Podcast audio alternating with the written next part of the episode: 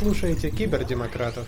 А, всем привет, у нас в подкасте Кибердемократов я Владислав Филижанин, и у нас сегодня особенный э, гость, это член Европарламента Марина Кальюрант. Э, Марина, добрый день. Здравствуйте, очень приятно быть с вами сегодня. Угу. Взаимно, спасибо, что нашли время с нами пообщаться.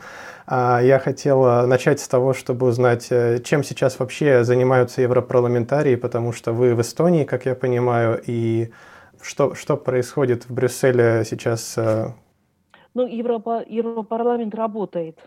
Он, то есть у нас проходят и пленарные заседания, у нас проходят встречи во фракциях, в различных комиссиях, где мы работаем. Но сейчас я действительно работаю с дистанцией, угу. потому что и в Европарламенте тоже есть, ну, по крайней мере, такой совет не приезжать пока еще в Брюссель, а возможность сесть работать с дистанции. Конечно, это не, не самая правильная работа, в том смысле, что мы можем голосовать, и мы голосуем. Ну, скажем, таких э, существенных обсуждений или дебатов, к которым мы привыкли на пленарных заседаниях, их нет. Могут выступать только те члены Европарламента, кто физически находится в Брюсселе. Насколько я понимаю, может быть, сейчас у нас в Брюсселе человек 50-60, не больше.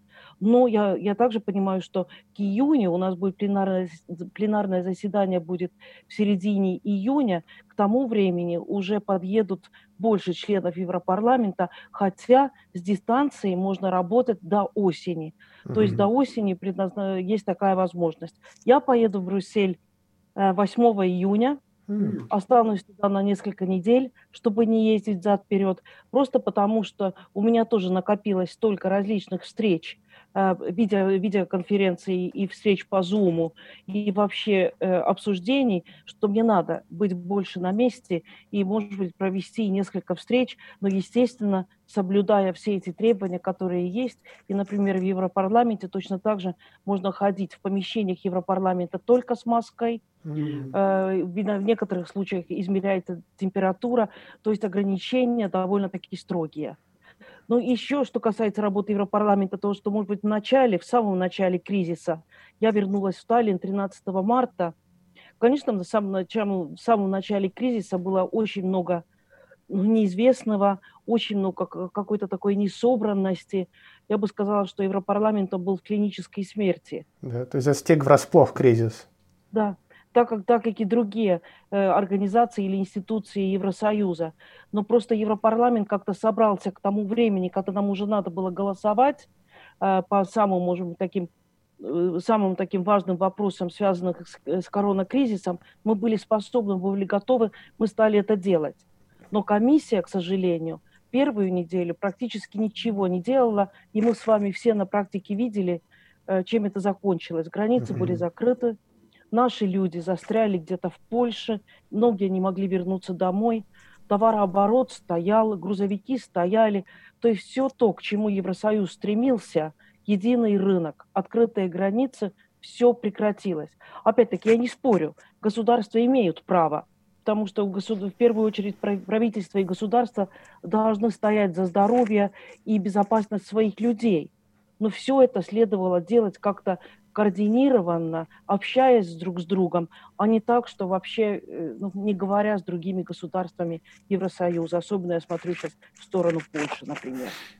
Да, там э, страны Вышеградской группы, особенно они уже еще до коронакризиса вели зачастую какую-то свою линию, и сейчас это, наверное, все только усилилось. А, но вообще мне кажется, что, а, поправьте меня, если я не прав, на самом деле Евросоюз достаточно быстро начал принимать какие-то меры, достаточно быстро начались э, проекты взаимопомощи, обмен, например, больными между Италией и Германией и другие трансграничные меры сотрудничества, но об этом на самом деле не так много людей узнало, просто потому что об этом не говорили. Я, я правильно это понимаю? А, да, я с вами совершенно согласна, что, может быть, это первая неделя или первые 7-8 дней была такая ну, полная неразбериха, но тогда как-то собрались и стали принимать решения, и в первую очередь, да, стали помогать друг другу. Ведь на чем основывается Евросоюз? Он основывается на том, что если у кого-то кризис, мы помогаем друг другу. Ну, естественно, мы в Эстонии беспокоимся за своих людей. Хотим, чтобы у наших людей, у наших людей было бы и медицинское обслуживание, и больницы, и маски. Это все понятно но все-таки, если есть возможность, надо помочь и другим. И, конечно, я тоже видела эти картины, когда, я не знаю, Виталий приземлился российский военный самолет или прилетала китайская помощь. И у меня тоже был вопрос, а где мы? Где другие государства Евросоюза? Потому что мы же помогаем друг другу. И, как вы сказали, и медики э, пошли на помощь Италии, и Испании, э, посылали медикаменты. То есть у нас была в Евросоюзе помощь друг другу, но мы как-то не умеем об этом говорить, мы не умеем этого показывать, и об этом практически никто не знает.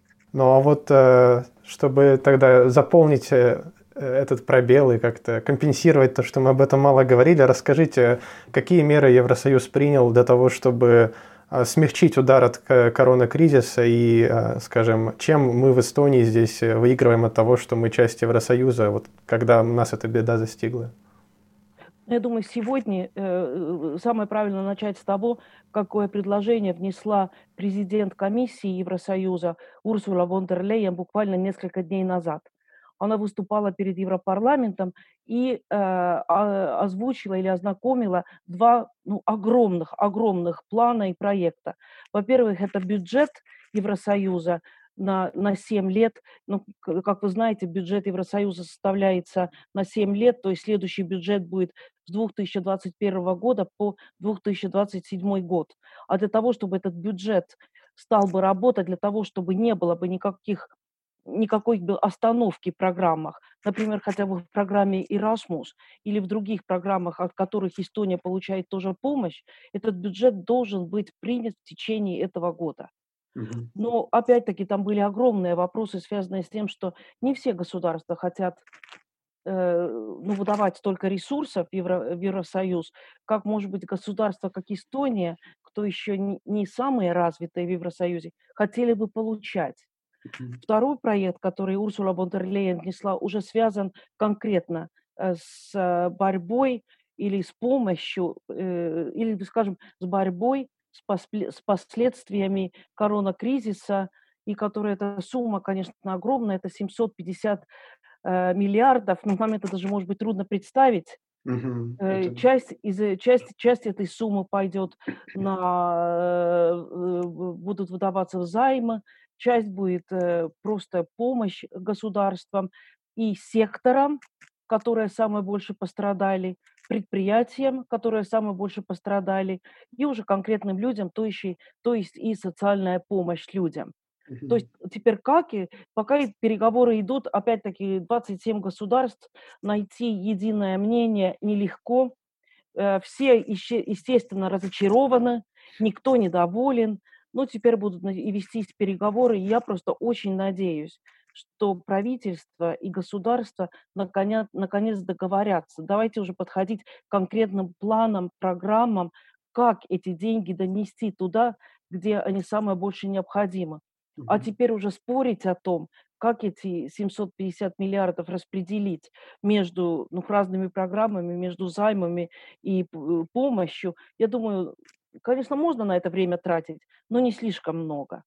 Как в Эстонию эти деньги придут, в Эстонии они будут идти точно так же через проекты, программы Евросоюза, как мы до сих пор получаем помощь. Ну, как вы знаете, до сих пор одно евро, что мы платим в бюджет Евросоюза, мы получаем обратно 3 евро.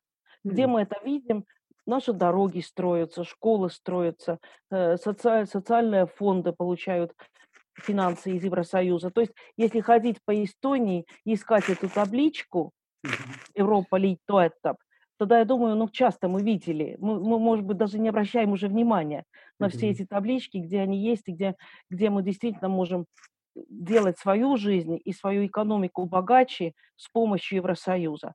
Но mm у, у Эстонии до сих пор, по-моему, очень хорошее и реноме, и мы умеем использовать средства Евросоюза.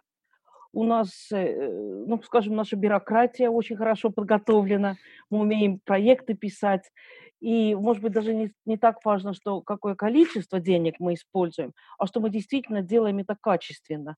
Евросоюз очень тщательно следит за тем, какие проекты, э, какая документация, какие отчеты. Э, и в этом смысле Эстония отличается, что мы делаем это качественно, правильно, добросовестно. И я очень надеюсь, что и теперь и новые эти финансы, которые будут распределены между государствами Евросоюза, Эстония точно так же сумеет использовать для тех, кому это надо. Ну и, может быть, да, подчеркнуть, что это не только э, экономика, это и, и социальная помощь нашим людям, кто теряют работу, кто потеряли работу или у кого зарплата уменьшилась. Это помощь э, секторам, которые самые больше пострадали. Ну, в первую очередь, туризм. Мы сам, вы сами видим, что наши гостиницы, рестораны, они очень пострадали. Ну и, конечно, предприятиям, конкретным предприятиям, которые пострадали во время кризиса самое больше. Да, но ведь Евросоюз это не только вот такой какой-то общий бюджет, который мы, из которого мы стараемся помогать друг другу, но вот как я это вижу, мы на такой большой политической арене э, мировой, как вот э, стараемся более-менее одним голосом вести переговоры с другими крупными игроками, такими как тот же Китай, который там присылает нам помощь и как-то вот ведет тоже свою очень непонятную для меня политику. А, и даже Америка, например, мы узнали, что вчера Трамп э, сообщил о желании вывести Америку из мировой э, Всемирной организации здравоохранения. Мне кажется, что в таком а, мировом климате для нас еще важнее держаться вместе, потому что Эстония одна, я не представляю, как мы можем сами только за себя вести переговоры. Э, опять-таки, я с вами полностью согласна.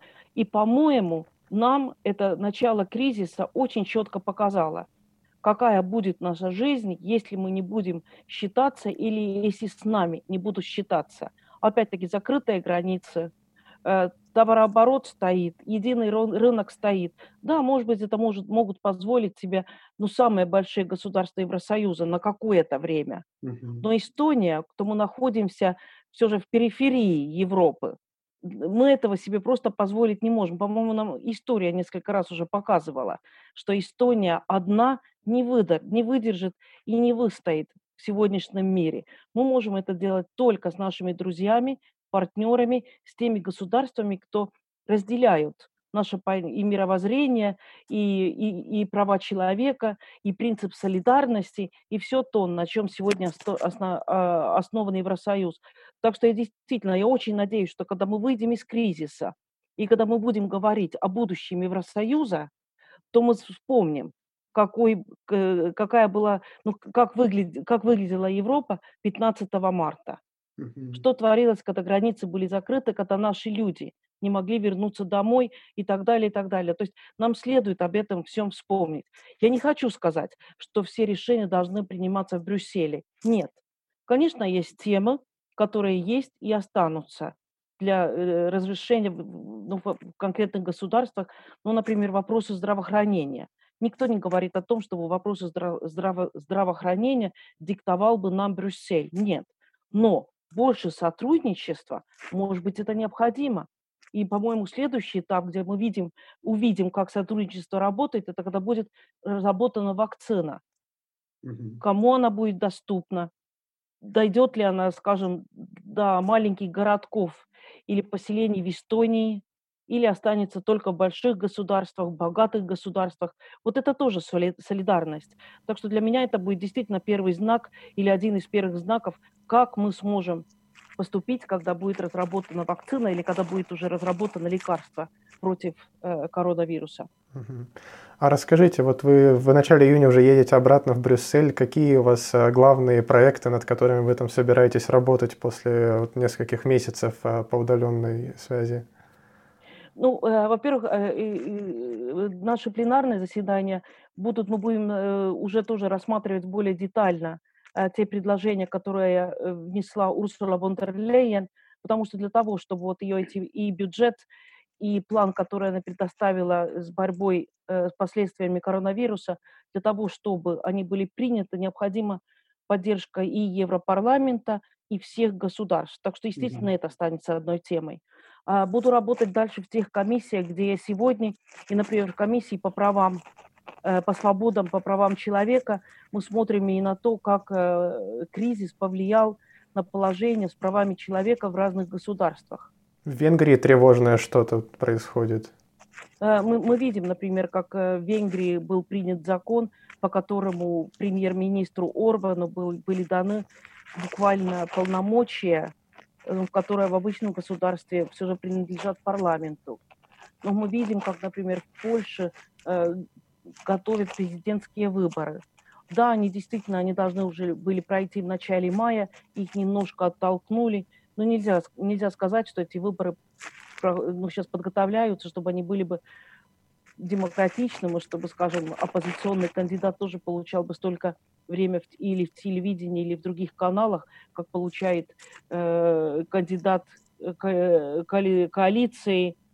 Ну, так что есть вот такие определенные сдвиги, где просто наш комитет или наша комиссия следит за тем, чтобы не нарушались бы права человека, э, прячась за э, коронакризис. И если какие-то временные меры были приняты во время кризиса, как и в Эстонии, чтобы они были бы отменены, как только э, это будет возможным и не будет необходимости все эти ограничения дальше держать в силе. Я тогда хотел, вот как раз э, говоря про отдельные правительства, а, вот, э, узнать ваше мнение Потому что у меня сейчас сложилось такое ощущение, что правительство Юрия Ратаса скептично настроено к э, новому бюджету Евросоюза и к идее а, такой европейской солидарности. Это может ли так случиться, что как раз-таки именно Эстония окажется одной из тех стран, которая будет э, мешать другим договориться? А, ну, во-первых, Эстония одна не сможет помешать. А, с другой стороны, я сегодня не знаю, какое будет отношение правительства Юрия Ратаса Мгм. Потому что когда Юрий Ратас прокомментировал, то, по-моему, он использовался, он сказал, что это шаги в правильном направлении. А. С другой стороны, я слышу, что э, представители ЭКРА и министр финансов э, Мартин Хельме очень скептически относятся к этому проекту. То есть я не знаю, какое положение сегодня нашего государства, Мгм. нашего правительства. Но я также помню прекрасно, как министр финанс, финансов э, Мартин Хельме гордо где-то год назад заявил, как он в Брюсселе остался один, защищать там какие-то принципы, приехал домой, и его быстренько поставили на место. Mm-hmm. Когда Юрий Ратас сказал, что он не имел никаких полномочий, он мог там, ну так сказать, выпендриваться, выступать, но никакого, э, никакого законодательного, э, законного права на это он не имел, и быстренько его поставили mm-hmm. на место. Так что я действительно очень надеюсь, что и в данном случае Юрий Ратас ну, сможет посмотреть эту большую картину. Потому что, опять-таки, ну, не следует никому представлять, что Эстония может, э, ну, я не знаю, отстаивать какие-то принципы, э, являясь одним государством. Ведь это тоже факт. Если Германия, Франция, если, так сказать, большие государства Евросоюза договорились, то ну, следует ли нам сопротивляться? По-моему, нашу энергию сейчас следует направить на то, чтобы найти правильные проекты, правильные программы и работать, чтобы эти деньги как можно быстрее дошли бы до тех, э, кому они сегодня самое больше нужны. Но будем следить, будем смотреть, потому что буквально действительно этот, э, это предложение Урсула дер было, э, она огласила это предложение 27 мая, так что ну, еще так мало времени пошло, прошло. Посмотрим, как будут идти переговоры. Я, я надеюсь, что Юрий Ратас сможет отстоять mm-hmm. свое мнение и не будет так, как желает ЭКО. Да, это потому что у меня часто возникают вопросы о том, кто же все-таки у нас э, в правительстве решает. И хотя Юрий Ратас говорит, что решает премьер-министр Юрий Ратас, а, мне кажется, что да, Март и Мартин Хельме с этим не всегда согласны. Но действительно, я тоже надеюсь, что все-таки у Юрия Ратаса хватит мужества а, с ними а, выстроить отношения так, чтобы они не смогли, как вы сказали, выпендриваться там. А, вот. А, а у меня еще к вам а, два последних вопроса, которые я хотел задать. Вот первое, что вы большой специалист по кибербезопасности и по цифровизации экономики. Ну, мне очень... Я впервые от вас услышал то, что переход на э-государство экономит Эстонии каждый год 2% ВВП. Я вот это до сих пор э, вспоминаю каждый раз. Это на самом деле фантастический факт. А мне просто хотелось узнать ваше мнение. Вот э, вы даже сами работаете работаете по удаленной э, связи сейчас, и очень многие, и школьники, и другие э, специалисты вынуждены это делать. Как вам кажется, это отразится на цифровизации экономики в будущем? Мы что-то новое усвоили для себя, или мы просто вернемся все к обычной жизни, когда это закончится? А, да, действительно, вопросы кибербезопасности или вообще дигитализации, я занимаюсь ими и в Европарламенте. Например, тоже один вопрос, к которому мы вернемся и будем уже продолжать переговоры на следующей неделе, это э, терроризм в интернете. Угу. Как определить, э, что терроризм в интернете, если это определено, кто имеет право снять кто же умеет снять эту информацию с интернета и так далее. То есть, да, это один вопрос. Что же касается работы с дистанцией, по-моему, ну, для меня лично я не вижу другого будущего, как через использование ИКТ, информационно-коммуникационной технологии. Я просто не вижу другой, другой возможности, потому что это будущее. Будем ли мы только так работать? Не будем. Потому что, как я сказала на примере в Европарламенте, наши дебаты сегодня ограничены. Потому что для того, чтобы собрать, у нас сегодня 705 депутатов, 705 депутатов и всех сотрудников, и всех советников, и перевод на 22 языка. Но сегодня в интернете это невозможно. И поэтому, например, и перевод ограничен, ограничена возможность э, говорить, выступать, выявлять свое мнение. И поэтому, например, я тоже, у меня не было возможности э, сказать что-либо после голосования. Тогда у меня была возможность предоставить в письменном порядке. Так что если кого-то интересует, что я думала про те голосования, которые уже проходили в Европарламенте, начиная с марта месяца, посмотрите на моем э, веб-сайте, там все это написано. Ваш веб-сайт, э, я добавлю ссылку в описании на него. И э, э, так что я думаю, что в будущем э, э, эта дистанционная работа не заменит, но будет очень хорошей дополнительной возможностью. И, по-моему, эта дистанционная работа, она тоже показала, как важно иметь э, хороший интернет, как важно иметь доступ, потому что у нас могут прекрасные электронные системы, но если у людей нет доступа или интернет медленный не позволяет общаться, ну, тогда это, это, это все равно не поможет. Так что, опять-таки, один новый, одна новая тема, на, на которой я буду работать, это Digital Services Act. Акт о цифровых услугах да, диги-услугах или цифровых услугах. Это тоже э, один вопрос, которым я теперь буду в Европарламенте заниматься, и это тоже смотрит в будущее. Mm-hmm. То есть у нас должна быть возможность использовать те услуги, которые мы, мы получаем через интернет, как в Эстонии. Это не значит, что все перейдет в интернет. Да, у нас голосование в интернете, но есть возможность и проголосовать классически. Да, да мы можем делать все банковские э, транзакции через интернет, но у нас есть возможность пойти и в контору. Mm-hmm. То есть одно не заменит другое, но будет дополнительной возможностью. А по-моему, для наших детей э, учеба по интернету это, это было совершенно ну, что-то незаменимое. Да, это было родителям трудно, но это была огромная возможность для детей, которой в многих государствах нет.